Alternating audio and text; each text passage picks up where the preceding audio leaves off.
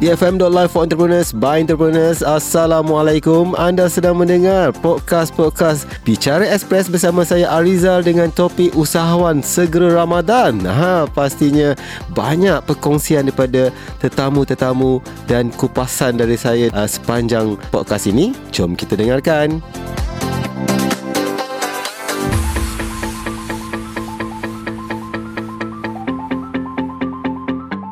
Bulan Ramadan ini adalah bulan yang bagus untuk setiap aspek diri kita.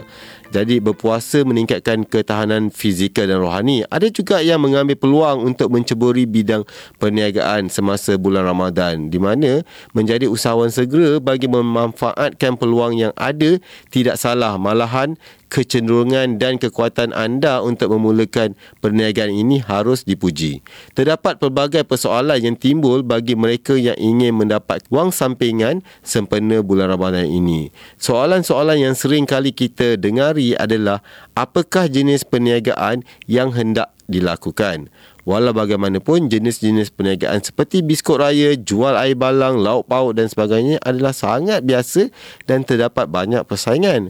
Maka, anda perlukan daya penarik supaya dapat membezakan perniagaan dan perkhidmatan anda dengan perniagaan yang lain. Ingat, setiap masalah ada satu peluang. Ini saya ingin kongsikan tips-tips lain dalam berniaga di bulan Ramadan. Antaranya, mengatasi rasa takut. Jangan risau sekiranya anda tidak mendapat keuntungan seperti yang dibayangkan. Andaikan perniagaan ini sebagai acara pemanas badan bagi mengutip pengalaman untuk larian jarak jauh. Jadi kalau anda mula berniaga ialah uh, usahawan segera kan. Uh, jadi anda tak boleh expect too much.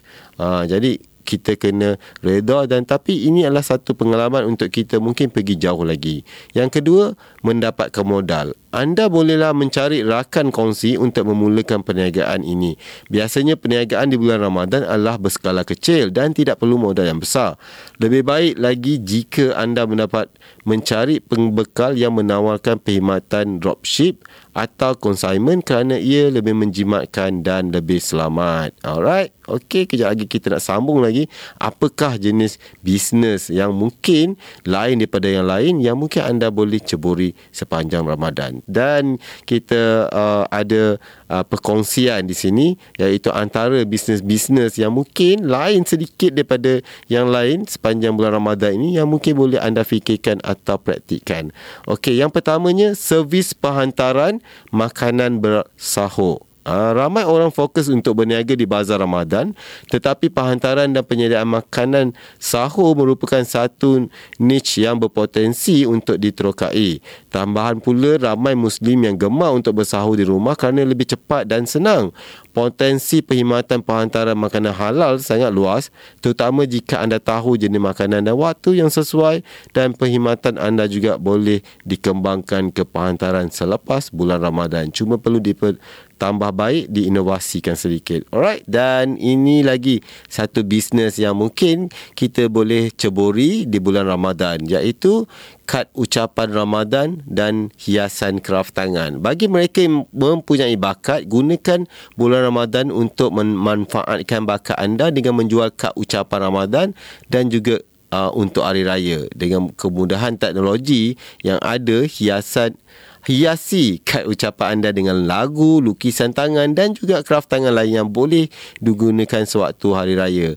Anda juga mungkin boleh mengambil tempahan untuk audio rakaman khusus dari pelanggan, sediakan khidmat hantaran bagi memudahkan tempahan. Selain menjual di gerai ataupun bazar, anda perlu memanfaatkan kemudahan media sosial untuk memudahkan tempahan dan mempromosikan perniagaan anda. Okey, yang seterusnya, gerai makanan tengah malam jika anda gemar makan lewat malam, sudah tentu anda tahu ini merupakan antara peluang perniagaan yang berpotensi tinggi.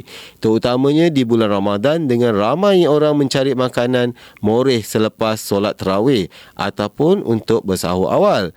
Tetapkan menu makanan yang ingin dijual dan pilih lokasi yang sesuai. Tetapi anda perlu yakin yang anda memiliki komitmen yang tinggi untuk untuk melaksanakan perniagaan ini jika ia dapatkan lesen berniaga yang sah daripada pihak berkuasa tempatan seperti Majlis Pembandaran sebelum berniaga. Okey, alright dan semua yang saya kongsikan tadi adalah antara bisnes yang jarang-jarang dilakukan dan mungkin anda boleh lakukan sepanjang Ramadan ini. Rasanya masih belum terlambat walaupun kita dah mula berpuasa sebab Ramadan adalah sebulan. Alright dan mungkin bisnes segera ini boleh diteruskan selepas raya nanti cuma anda perlu lebih kreatif dan mengubah sedikit untuk bersesuaikan dengan suasana selepas Ramadan.